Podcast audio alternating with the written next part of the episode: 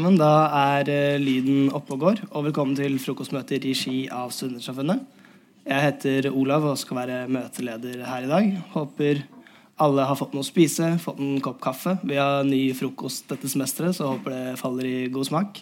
Men eh, velkommen eh, hit. I debattens hete så kan politikere komme med kanskje litt snodig informasjon som enten unnviker fra spørsmålet de får, eller som rett og slett er dårlig. Eh, vi er så heldige å ha med oss eh, Ole Hjortland, som er førsteamanuensis i filosofi ved UiB, og Pål Antonsen, postdoktor i filosofi ved UiB. Og sammen så driver de både bloggen og spalten i Morgenbladet Logikksjekk. Velkommen skal dere være. Takk.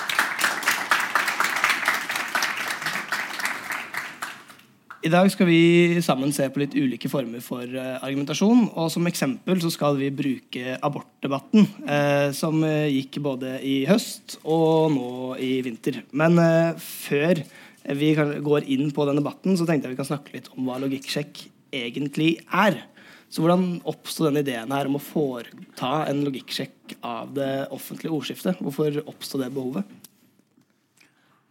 Um, nei, det er vel egentlig bare sånn at uh, altså Pål og jeg har jo Vi jobber jo med uh, logikk til vanlig. Uh, men vi jobber jo egentlig mer med formell logikk, som vi også underviser i. Men så leser vi jo, vi er jo interessert i, i politikk og i det offentlige ordskiftet. Og så begynte vi å irritere oss litt over dårlig argumentasjon.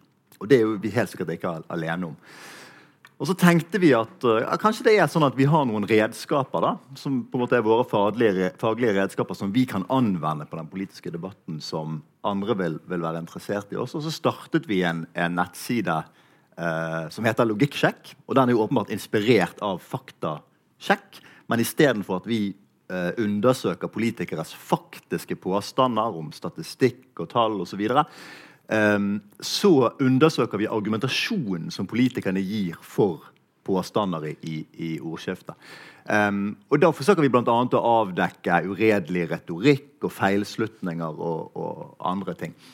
Um, og uh, så ble dette plukket opp av Morgenbladet bare noen måneder senere. og Så fikk vi en fast spalte som går hver uke i, uh, i Morgenbladet. og Der velger vi oss en aktuell sak um, i liksom, foregående uke. Og så snakker vi litt om hvilke argumenter har forekommet. Spesielt kanskje hvilke dårlige argumenter har forekommet. Sier litt om hvorfor.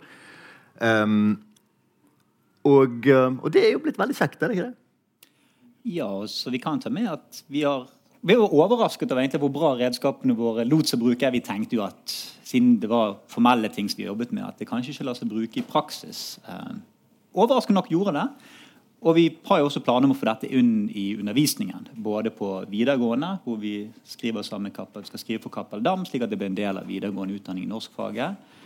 Og så ønsker vi å få om dette her til å bli en del av X-FIL-delen. Vi tenker at dette kan være mer nyttig som X-FIL. At lære seg denne form for argumentasjonsteori.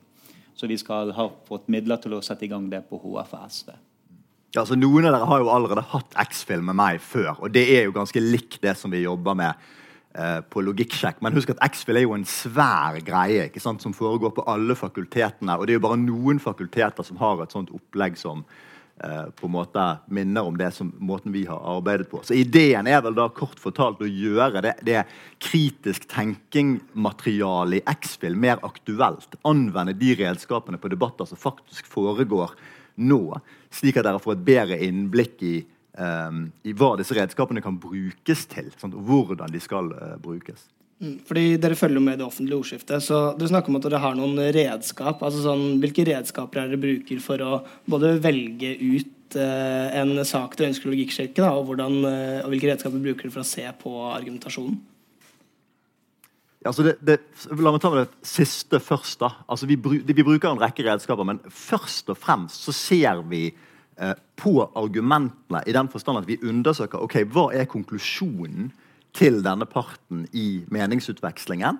Og hvilke argumenter eller hvilke premisser bruker de for å nå den eh, konklusjonen. Og så undersøker vi er det faktisk slik at disse argumentene understøtter eller sannsynliggjør konklusjonen eller standpunktet som de har eh, har lagt frem. Det er jo det avgjørende spørsmålet. Og veldig ofte så ser vi at eh, politikere, kanskje spesielt, istedenfor velger å bruke ulike former for uredelig retorikk for å villede eh, publikum, få publikum over på sin side, uten at de egentlig legger frem argumenter som sannsynliggjør um, påstand.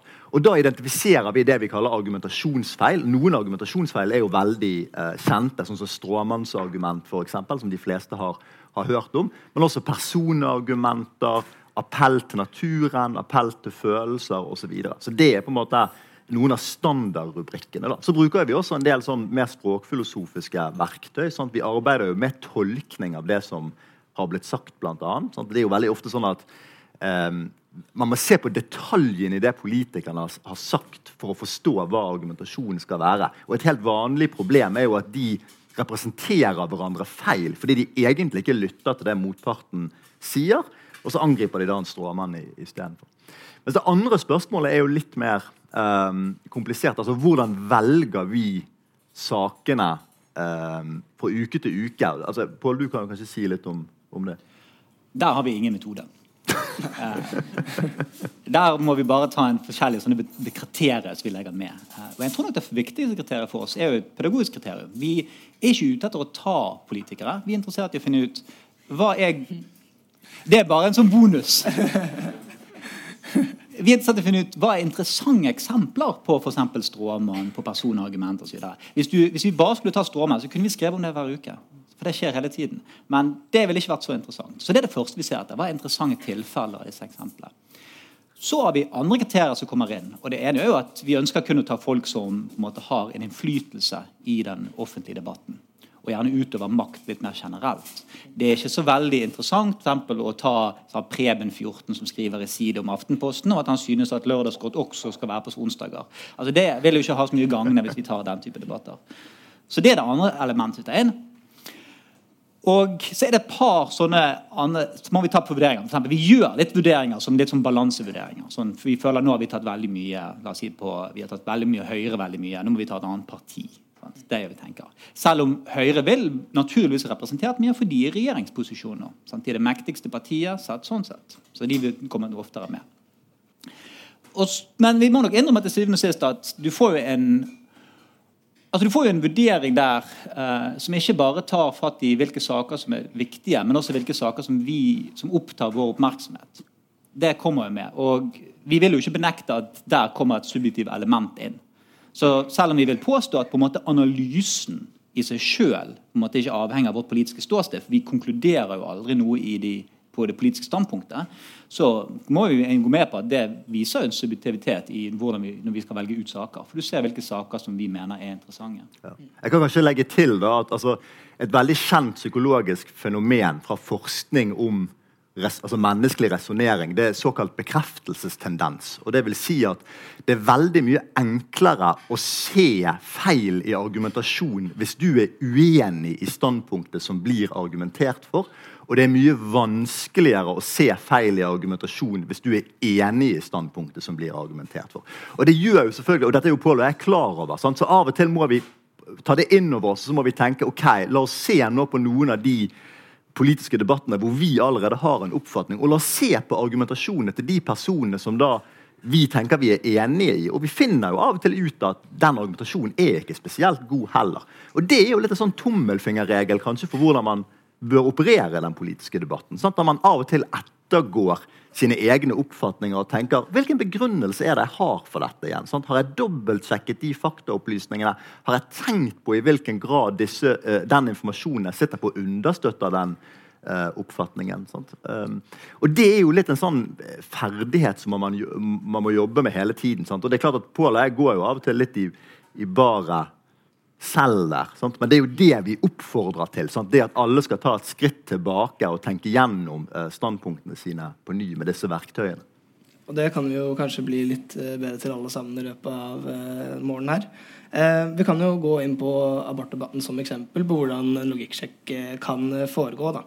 Eh, I høst og nå i januar så ble mediebildet mye prega av eh, debatt om endringer i abortloven pga. at KrF skulle gå inn i regjering. Det gikk eh, både på denne paragraf 2c mye i høst, men også på gjennomslaget til KrF, som muligheten for eh, fosterreduksjon ved, hvis man hadde tvillinger, da, at man kunne fjerne det ene fosteret.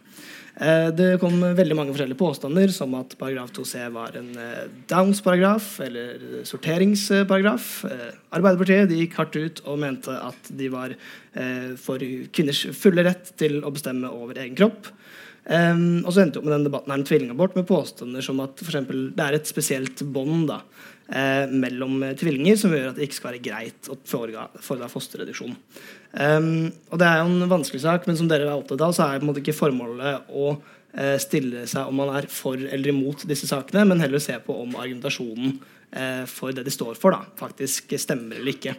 Eh, men før alt det her kaoset starta med KrF inn i regjering, og alt sånt, så var det faktisk eh, en annen abort, abortdebatt som starta med at eh, Sondre Hansmark, som er leder av Unge Venstre, han gikk ut og argumenterte for utvidelse for, av fri abort uke, fra uke 12 til uke 24.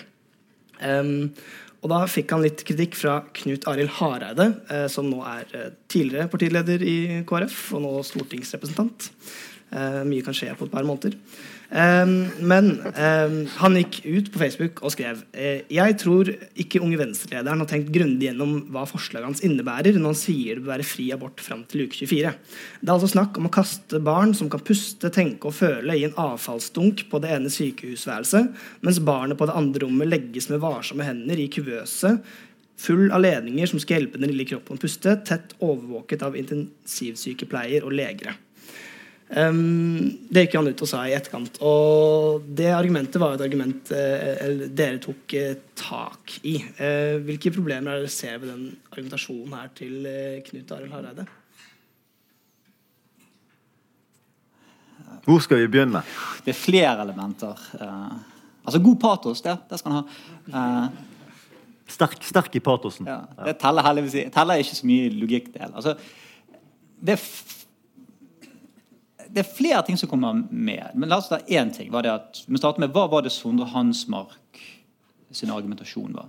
Så Han mente at prinsippet som gjelder for når et barn får moralsk status, dvs. Si når, et, når det foster skal ha betydning, når du skal eksempel, må vekte om det skal faktisk telle imot å ta abort, det vil avhenge av graden fosteret er i stand til å føle. Så det som gir moralsk status, er evne til å føle mer generelt bevissthet. Og Så tenkte han at det er en gradsting. Så evnen til å føle og bevissthet det er en gradsting. Og så sier han at okay, det er vel sånn omtrent i uke sånn mellom 21 og 24 at du kan begynne å se sånn synaptiske forbindelser den cerebrale cortexen som gjør at du kan faktisk tenke ok, her er han grunner til å tro at vedkommende kan føle smerte. Og så sier han, ok, det må, Hvis det er prinsippet som ligger bak, så må det være grensen for når på en måte det, du må over i nemnd. For Før det så har jo da vedkommende ikke disse ferdighetene som kreves for at det skal ha status, moralsk status. Så Det var på en måte argumentasjonen hans. Og den presenterte han også på Dagsnytt 18? Ja, ja. Så, så, så det er helt eksplisitt på hva han mente var argumentene. Så kommer Hareide og sier dette. Og Man kan jo reagere for på liksom, dramatiske bilder han tegner, men jeg tenker at det er ikke det som er det mest problematiske her. Sant? For det problematiske er at Han sier noe sånt som at hvis du tar den, hvis du tillater dette, så vil på en måte du kan drepe barn som har alle disse ferdighetene.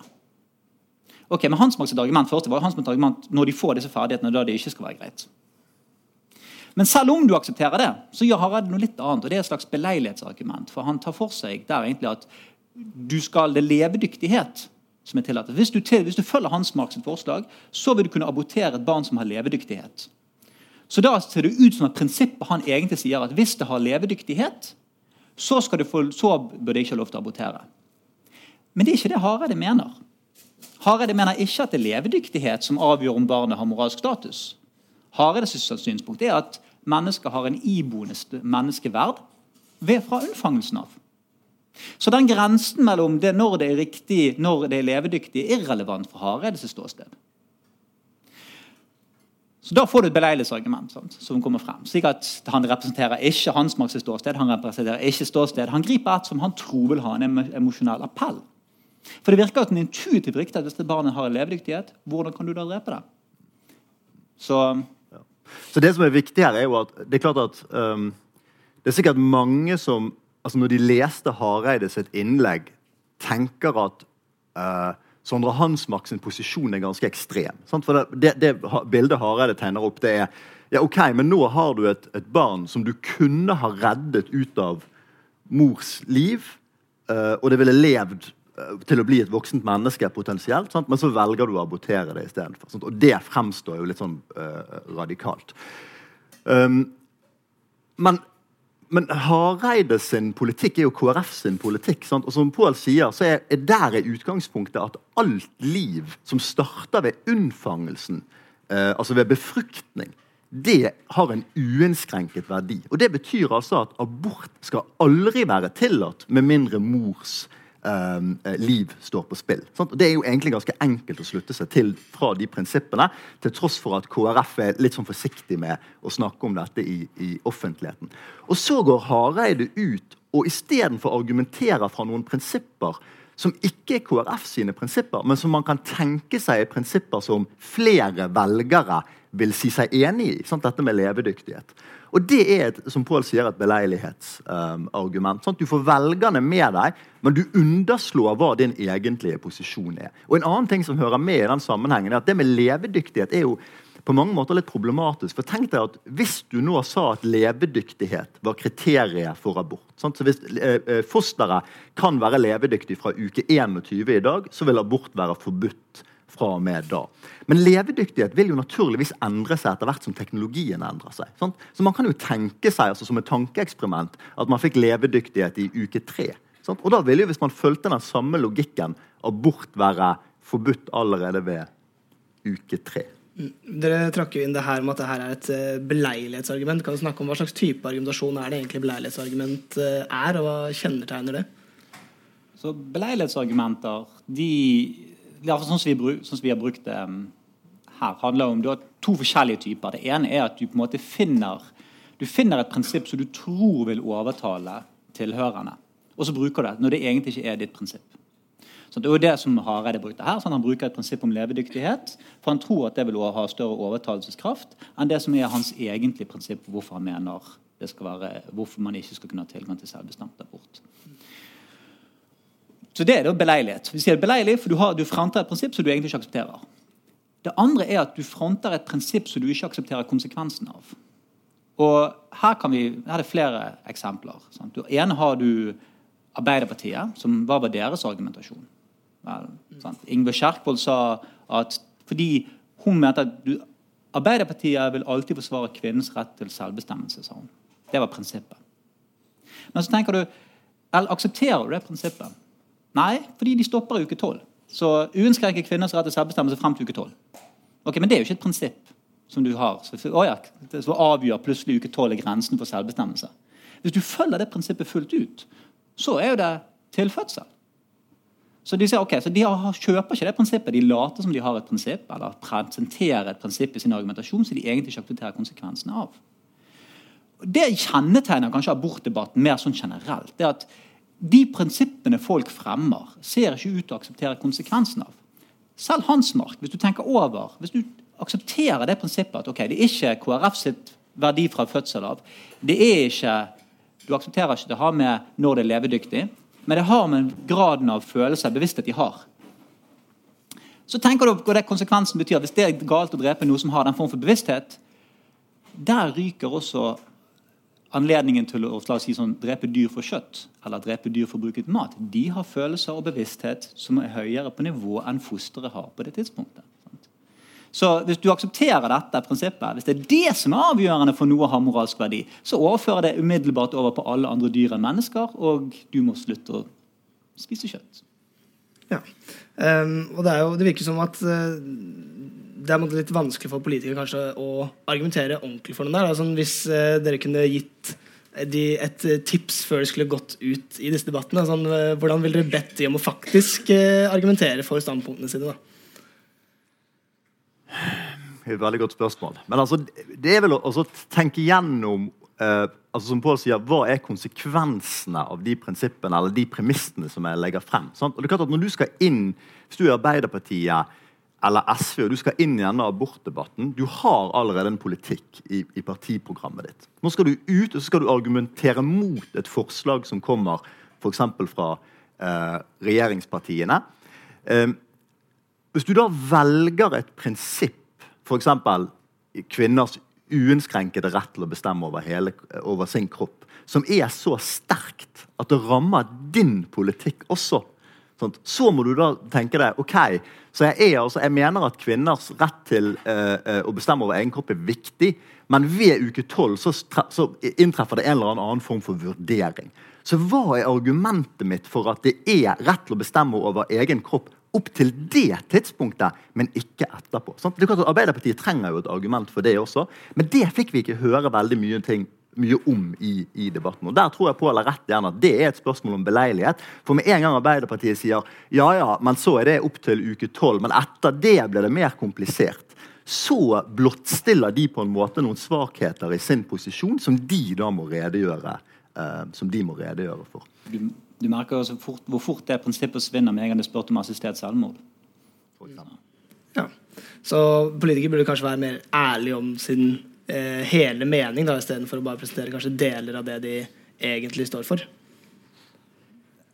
Ja, det er, vel, altså det er vel det med å være litt forsiktig med å eh, trekke inn sånne veldig universelle prinsipper i debatten. Hvis du, hvis, du, skal gjøre det, så må du tenke er det slik at vår politikk generelt svarer til dette prinsippet, eller er det bare et prinsipp som er gunstig å ha med seg inn i denne debatten?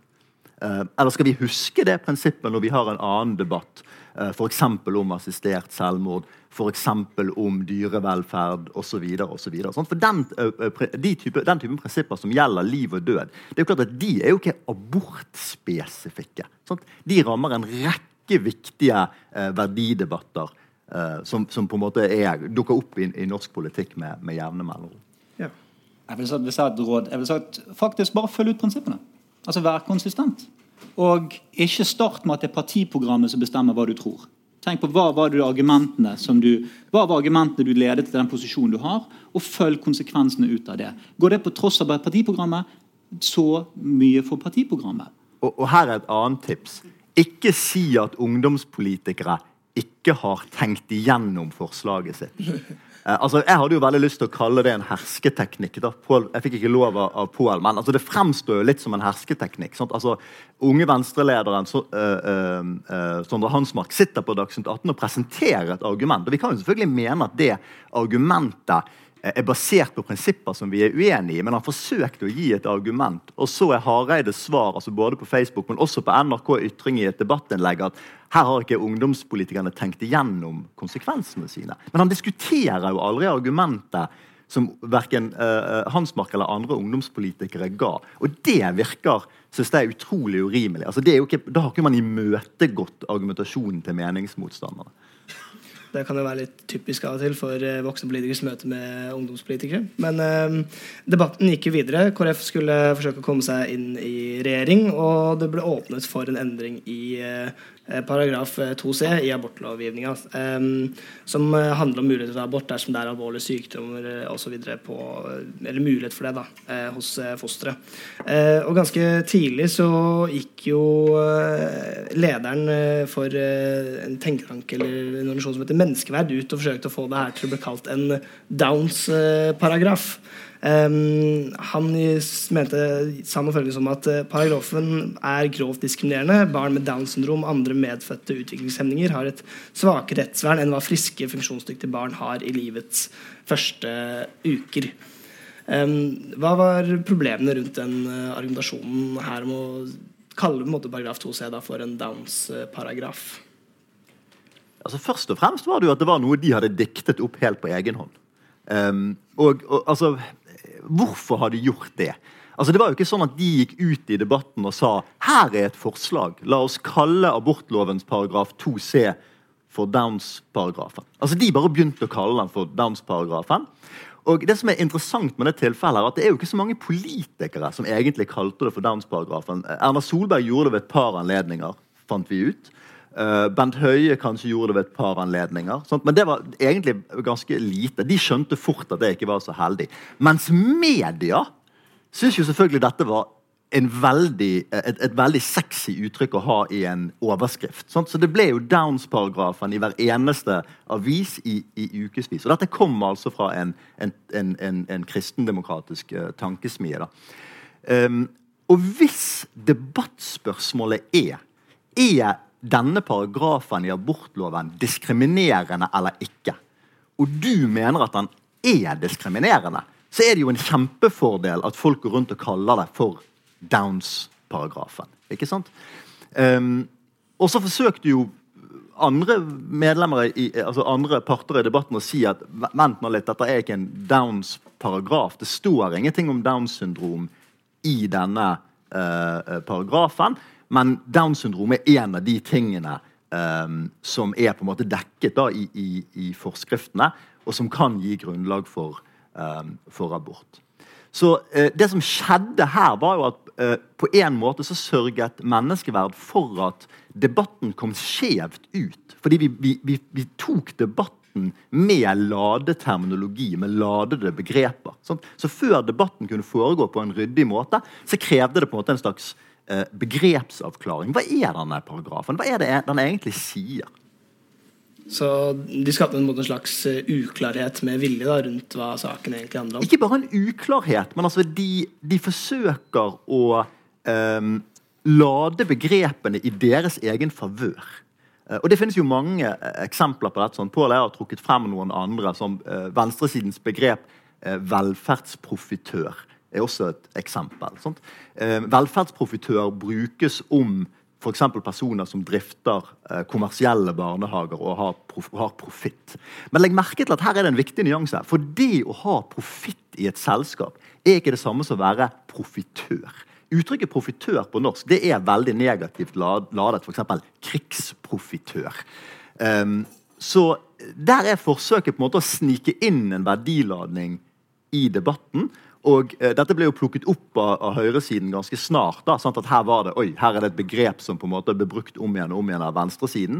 Og, og uh, uh, høyre, altså den liberale høyresidetankesmien Civita de laget sitt eget begrep for på en måte å, å nullstille debatten. Så de kalte det for velferdsinnovatører istedenfor. Og da får du på en måte det motsatte. Oi, nå, måte, nå har vi tippet debatten motsatt. Uh, så du krigsinnovatører?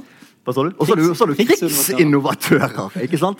Så, så her, forsøker, her, her, er det på en måte en, en, en slags uh, maktkamp. da, og Pål har jo kalt dette uh, altså, Det er jo på en måte en, en kamp om definisjonsmakten. Og det som skjer er at Hvis du vinner den kampen, og du får ladet begrepene på en passende måte, så legger det opp eh, til både eh, feilslutninger, sånn for folk misforstår hva som ligger i disse begrepene, og ikke minst så legger det opp til at du karakteriserer motpartens oppfatninger på en feil måte. Hvis du sier høyresiden er for velferdsprofitører, så er det noe ganske annet enn å si at de er for kommersielle barnehager. For eksempel. Ja. Altså, jeg vil si litt, på en måte, på, også bare ta litt menneskeverd i forsvar. Uh, jeg vet det er upopulært. Men okay, så akkurat det de gjorde, var, jo, det var feilaktig. Sant? Det er en argumentasjonsfeil. Fordi du, prøver, du, forsøker å gi en ladet betegnelse, så du skal være med i premissene for debatten. Men uh, det som de kanskje heller skulle gjort, er å påpeke at altså, i paragraf 2 i svangerskapsloven eller loven om svangerskapsavbrudd. Den gir betingelsene for når man kan ta et svangerskapsavbrudd. Og 2C sier at det kan skje ved alvorlig sykdom. Den, I nemnd? I nemnd, ja. Etter, etter uke 12? Ja, alt det kommer etter uke 12. Uh, så da Paragraf 2c sier at det kan skje ved alvorlig sykdom hos, hos fosteret. Men Downs syndrom er ingen alvorlig sykdom. Det er ingen sykdom. Så det var under en særtolkning av alvorlig sykdom at Downs syndrom faller inn under dette. Så kan man mene at det var riktig eller galt. Men her er det, her er det som egentlig var underliggende poenget til menneskeverdet. dette. Ja, hvis, hvis, det er en alvorlig sykdom, så er det fordi at det reduserer livskvaliteten, gjerne hos forelder, og spesielt hos barnet, for det kan medføre, det kan medføre skade på barnet som gjør at de er smerte osv. Det gjelder ikke for Downs syndrom. Du kan, du kan, eventuelt argumentere for livskvaliteten på noe som generelt, men det er ikke en sykdom i den forstand at barnet er i lidelse. Eller foreldrene kommer i lidelse under dette. Så de mener at Downs syndrom er en særstilling. Sant? Det er ikke en sykdom. Det var ikke en del av første formuleringen, Og det stiller seg litt i en særklasse. For det har ikke på helsen sånn sett å gjøre.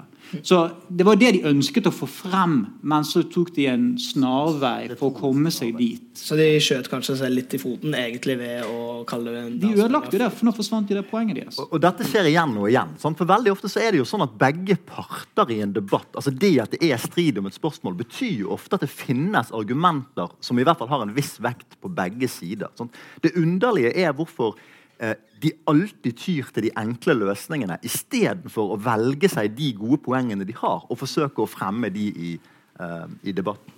Vi svarer veldig lenge, så du må kutte oss ja, jeg skal, jeg, det, det, går helt fint. Um, men ja.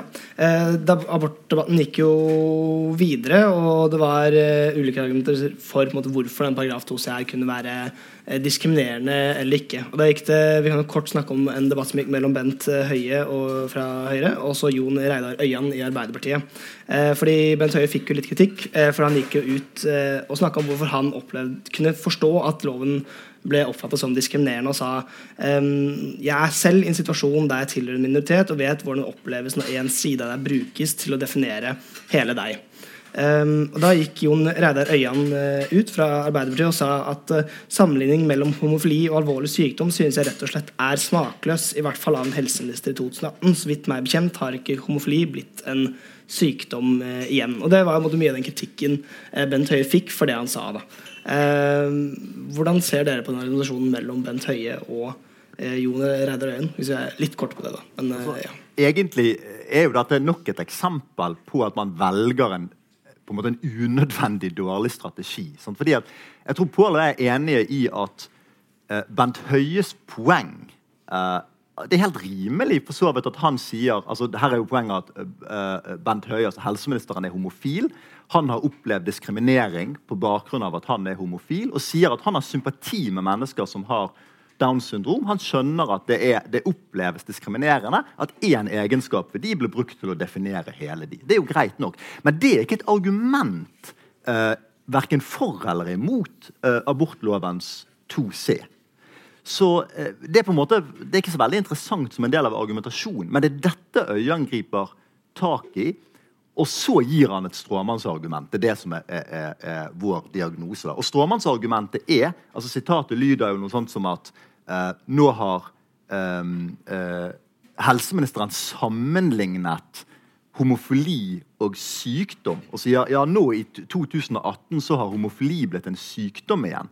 Og det mener jo han er selvfølgelig veldig galt. Men det har jo helseministeren selvfølgelig aldri sagt. Sant? Og heller ikke antydet på noe slags måte. Um, hvis han hadde ment det, så ville jo det vært svært oppsiktsvekkende. ikke sant? Men her har um, stilt opp et stråmannsargument. Det er selvfølgelig mye lettere å angripe en helseminister som mener at homofili er en sykdom. Men det er jo en bisarr situasjon for helseministeren, som selv er homofil, og nå blir anklaget for å mene at homofili er en sykdom. Ikke minst fordi at hvis det var en alvorlig sykdom, så ville det selv falt inn under abortloven. Sånn, som vi selvfølgelig alle kan forestille oss at det er en ganske dramatisk eh, konsekvens. Så dette avsporet jo debatten eh, betydelig. Sånn at Det skjedde vel på Utspillet til, til uh, Høie kom i avisen, og så var dette en debatt på Dagsnytt 18 i, i ettertid. Jeg vet ikke om du har noe å legge til? Um, det er, altså for Kanskje igjen for å ta den andre siden, for å forstå på en måte hva hva er det den argumentasjonen rundt det? Den, sånn som dette holder vi på hele tiden. Frem og tilbake. Så, så, dere er litt uenige av og til? Altså. Nei da. altså, vi, er, vi, altså, vi, er, selvfølgelig enige om Øyan at det var ikke det Høie sa. Men altså, vi får forstå hva det egentlig det argumentet med Downs syndrom egentlig befatter seg på. Hvis du starter med bakgrunnspremissen om at de, alle foster har ved unnfangen sin verdi. Hvis du starter med den premissen, så spør du hva skal til for at jeg skal kunne veie opp og ta abort på det barnet. Da må du veie noe tungt på den andre siden. Og så sier de ok, det kanskje, kanskje hvis barnet har en veldig alvorlig sykdom, slik at barnet kommer til å leve i kort tid og så dø. Så kan de, ok, men Da vil det påføre såpass stor skade på det barnet at det er bedre å ta bort noe. Men hvis det bare har down, sier de, det er en egenskap som ikke vil ha det, da tenker du, ok, så det er en litt særegenskap. Hva er andre egenskaper? Hva er den prinsipielle forskjellen på at du sier jeg vil ikke ha et barn med Downs, og jeg vil ikke ha et barn som har for det og det kjønnet, eller denne seksuelle legningen, eller så videre. Så du kan se det argumentet de sier ok, hvis du mener at Downs skal kunne falle inn under her, det er en grunn. Hva er den prinsipielle tingen som sier at Downs kvalifiserer som en grunn for abort? Det er det de er redd med dette sorteringssamfunnet. For Hvis de sier, hvis ikke det er kriteriene, hvis det du bare sier er at 'jeg ønsker ikke', eller det er kvinners rett til selvbestemmelse, så innfanger det alle de andre tilfellene, som kjønn, seksuell orientering, hårfarge, hva enn du vil. Hmm. Ja. Um, debatten gikk jo til slutt uh, videre. Det kom regjeringsforhandlinger. Um, og KrF fikk jo ikke noe gjennomslag for endring i paragraf 2c, men en veldig sånn teknisk eh, endring i muligheten til å foreta fosterreduksjon dersom man har eh, tvillinger, som man fortsatt debatterer om faktisk er en endring eller ikke. altså sånn, eh, Venstre mener det ikke er noen endring i det hele tatt, mens KrF mener det er en kjempestor eh, endring i abortlovgivninga. Vi trenger kanskje ikke gå inn på det, og vi trenger kanskje heller ikke å gå inn på klarer du å bære fram én, så klarer du å bære fram to, som kanskje er et åpenbart ikke så godt argument. Ehm, men i Forsvaret, da eh, for å innskrenke muligheten til å foreta eh, fosterreduksjon eh, dersom man har tvillinger, så hadde KrF en bestemt type argumentasjon hvor de Kjell Ingolf Ropstad sa at fra, det er jo ut fra mange perspektiv knyttet til det. Så bare tenk deg den situasjonen. Tvillinger hører sammen. Og det er ofte en spesiell kjemi mellom tvillinger. Så det var eh, en del av argumentasjonen blant de som eh, ofte var for da, at man skulle innskrenke muligheten til fosterreduksjon, at det er en spesiell kjemi mellom tvillinger. Eh, og det argumentet tok jo dere litt også tak i en logikksjekk. Var det noen utfordringer knytta til det? Siden jeg har en på KrF-forsvarposisjon, så får du ta denne. Ja. Eh, altså jeg tror skrev, Første saken vi skrev om dette tenk, vi, vi, skrev på en måte en slags oversiktssak da, om fosterreduksjon, eller, det som noen ganger ble kalt tvillingabort. Og, og, Da tenkte vi at det der argumentet som tvillinger hører sammen, spesiell kjemi, det var på en måte bare et tulleargument. sånn at det var ikke noe vits å, å, snakke noe videre om det. Vi kunne aldri forestille oss at regjeringen ville komme ut og bruke det som, som argumentet. Men det gjorde jo de i veldig stor grad etter at regjeringsplattformen kom, uh, kom, ut. Så der er vel på en måte, Det første spørsmålet er jo hva i all verden betyr dette? Sånn, altså, når du sier tvillinger hører sammen, og derfor bør vi innskrenke muligheten til, til selvbestemt uh, fosterreduksjon. Dette handler jo om, fosterreduksjon av friske flerlinger uh, før, uh, før, uke tolv. Um, hva betyr det? Altså Én tanke er jo at det, det, det er noe sånn som at ja, de hører sammen i den forstand at de, de var en del av det samme svangerskapet. Sant? De var en del av den samme graviditeten. Sant? Ok, Men hvorfor er det relevant for spørsmålet om fosterreduksjon? Eh, det er jo høyst uklart. Sant? Så Da forsøker man å gjøre dette til biologi. Men det er veldig vanskelig å få noe sånn bør, noe normativ konklusjon ut, altså alene ut av det at ja, de har vært på en måte i mors mage eh, samtidig. Og så kan man jo tenke seg at nei, Poenget har bare med liksom, ja, se på de tvillingene som vi kjenner. Sant? Det er mer sånn anekdotisk argument. Ja, De har jo helt sånn unik, en helt unik uh, relasjon. Sant? Man sier, tenk, sier ofte sånne ting om at liksom, tvillinger drømmer de samme drømmene og på en måte tenker de samme tankene. Sånn. Men altså, det er jo altså det, kalle, det, er jo kanskje en underdrivelse å kalle det høyst spekulativt. Sant? Jeg tviler ikke på at mange tvillinger har et uh, spesielt forhold. Men mange søsken har jo også et spesielt forhold. Og mange foreldre og barn har et spesielt forhold. Og mange folk som bare er venner, har et veldig spesielt forhold. Sant? Så hva er det egentlig? Hva er det som er belegget for at tvillinger har denne helt unike egenskapen som på en måte gjør at de må tenke annerledes om eh, om tvillinger i, i, eh, i, abortdebatten. Så litt sånn eh, kort da, så konkluderte vi vel med at dette fremsto som en appell til naturen. Sant? Altså at eh, Slutningen var eh, de, de, er i mors mage samtidig. altså Det er eller annen, et eller annet biologisk bånd. Derfor er det også et, en, en, normativ eh, eh, begrensning. altså Derfor bør vi ikke abortere det ene fosteret og ikke det andre. Og Det syns vi er en dårlig slutning. Altså for at du skal få det til, så trenger du et normativt prinsipp i tillegg. Altså Du trenger et eller annet moralsk prinsipp som forteller deg noen ting om hvorfor den biologiske relasjonen har normativ betydning. Og det mangler jo fullstendig i, i, i KrF sin retorikk, og for, for, så vidt også hos de andre. Og, og Erna Solberg gikk jo kanskje ut og forsøkte å utdype det argumentet her litt eh, videre. Da, og da sa hun, eh, hun forsvarte endringen og sa at det skyldes først og fremst hensynet til det andre fosteret, altså fosteret som ikke blir abortert. Fordi det er en fare knyttet til abort. Samtidig er det også et etisk dilemma, sikkert da ment for foreldrene, å, kunne, å skulle velge. Altså, man uh, argumenterte en for at det kunne være farlig for det fosteret man ikke aborterte, å utføre abort på det andre fosteret, slik man kan forstå argumentet. da. Altså Her er det jo to ting. Det ene det med at foreldrene må velge. og Det er jo egentlig bare sprøyt. Altså dette er, Det er jo medisinsk personell som, uh, som velger. Og det er, er egentlig altså et vilkårlig valg av flerling hvis begge flerlingene er, eller alle flerlingene er friske. Men i praksis av medisinske grunner så velger man den flerlingen som på en måte ligger mest beleilig til for å utføre eh, aborten. Um, så Det, det syns jeg ikke er noe særlig godt argument. Men, men så er det denne biten om at eh, hvis du utfører fosterreduksjon på én eh, flerling, så øker det risikoen for spontanabort for gjenværende flerlinger. Og Det er klart at det eh, høres jo, det har i hvert fall form av noe som du kan tenke har eh, hører hjemme i, i debatten. Og det, Dette var jo også noe som Pål og jeg skrev litt om i den ene saken vår om fosterreduksjon. og Vi tenkte vel når vi så på dette i utgangspunktet at det var det beste argumentet som regjeringssiden um, hadde kommet med. Pål er kanskje ikke enig med meg i det, men det hadde i hvert fall, eh, altså det hadde i hvert fall liksom formen av noe som, som virket, eh, virket, rimelig. Men én betraktning er jo at det viser seg at det er langt fra klart at det er riktig altså det har jo med hvorvidt premissene sann her, sant? at det er riktig at risikoen for spontanabort øker. Der opererte jo flere av de som deltok i debatten med tall som var fra 10 til 15% økning i risiko for spontanabort. Og det er i alle fall feil har vi funnet ut. Uh, og her er det noen som mener at risikoen faktisk går ned, og andre som mener den går noe opp. Så det er jo en uklarhet. Men, men her har vel Pål også et annet poeng som går på mer på relevansen av, premissen. Men den kan du få fremføre selv. Spørsmålet er, spørsmålet er det et godt argument. Um, jeg vil si at Det virker ikke som et spesielt godt argument. Det avhenger av hvilke bakgrunnspremisser du har, naturligvis, men hva du tenker er menneskeverdet. Men hvis du allerede tenker at du er for selvbestemt abort frem til uke 12, som er det som Erna Solberg er for, det var det hun skulle forsvare, om at fosterreduksjon er et spesielt tilfelle nettopp pga. denne faren, så hva er hun da egentlig for? Hun er for at du skal kunne ha utføre operasjoner som gir deg selvbestemt abort. 100 sannsynlighet for at barnet dør hvis det er ett barn. Hun er også for at du skal kunne ta abort, selvbestemt abort på begge la oss si du har tvillinger, begge fostrene frem til uke 12. Hun er bare imot at du skal kunne ta det ene hvis det er en sannsynlighet omtrent la oss si 10-15 for abort på det andre.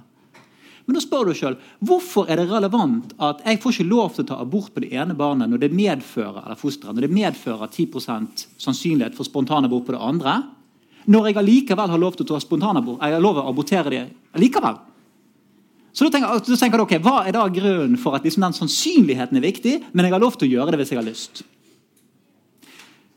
Og Da tenker du, ok, da spør du hva er relevansen for at jeg, dette kan medføre spontanabort, når det er spontanabort på et foster som jeg allerede skal ha tillatelse til å abortere.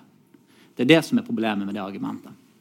Det er ett problem. men altså det, vi, kom, vi kom jo også frem til at det er en potensiell problematikk her er og her er vi kanskje ikke helt enige, da, men altså, en potensiell problematikk er det at eh, ok, selvfølgelig så virker det rart å si at hvis du uansett har retten til selvbestemt abort på begge fostrene, hvorfor skal du da ikke ha lov til å ta selvbestemt abort på det ene, gitt at det er en viss sjanse for eh, spontanabort for det andre? Men det er klart at den risikoen for spontanabort er én ting, men så er det også en risiko for komplikasjoner som gjør for at det barnet blir for tidlig født, og dermed vil eh, eh, eh, altså gå inn i livet med en eller annen form for sykdom eller handikap osv., som man kan tenke seg også er eh, moralsk relevant. Sant? For her er, det, her er ikke poenget at det er abort på det ene fosteret og 10 sjanse for abort på det andre fosteret. Spontanabort er jo tross alt noe annet sant? som man ikke har full kontroll over, og som kan slå uheldig ut, også for et barn som da uh, overlever. Så Det gir det jo en dimensjon som potensielt regjeringen kan bruke til å, uh, til å føre det argumentet. Og det, det, tenkte vi litt på, men det overraskende er vel at vi har ikke sett noen faktisk bringe det opp i debatten. Selv om det virker som et, altså det virker som et avgjørende poeng hvis du skal få denne argumentasjonen til å Ja. til å fungere i det hele tatt. Så det, det virker jo som om de kunne blitt bedre til å argumentere ved å kanskje høre litt på Eller lese logikksjekkene deres. Eh, Det er det vi rakk eh, om abortdebatten. og Det er, det er litt status quo er egentlig på debatten for eh, øyeblikket. Eh, Er det noen som har spørsmål i salen som dere ønsker å stille? Eh, tusen takk for et veldig gøy møte. Det var en glede å høre på. Eh, jeg lurte, jeg har to spørsmål. Eh, dere snakket om språk og hvordan det legger føringer for debatten med velferdsprofitør eller innovatør. Eh, og at du alltid prøver å forme argumentasjonen med begreper som gir en viss følelse. Eh, tror dere at det er mulig, eh, og er det et ideal, at argumentasjon skal føres på et så nøytralt som mulig språk? Eh, fordi jeg tenker at eh, Dersom du setter det på spissen, så vil en person på venstresiden kanskje bare reagere ved ord kommersiell eller privat, og en person på høyresiden tenker negativt om offentlig fra start. Altså er det mulig eh, å oppnå nøytral argumentasjonsspråk, eller må du bare akseptere at det alltid er en viss grad? Altså Det andre er bare veldig kort. Har dere noen gang etter å ha blitt svart på en logikksjekk tenkt ah, vi gikk kanskje litt langt? Eller eh, tenk, eh, tenk, Vi gikk ikke langt nok. Det tenker vi nesten hver uke. Ja, bare for å gjengi spørsmålet, så handler det sånn at hvis det er noen på podcasten hører, eh, om man burde bruke nøytralt språk ved argumentasjon, og også om dere har gått for langt i noen logikksjekker. da. Men eh, det er bare å svare.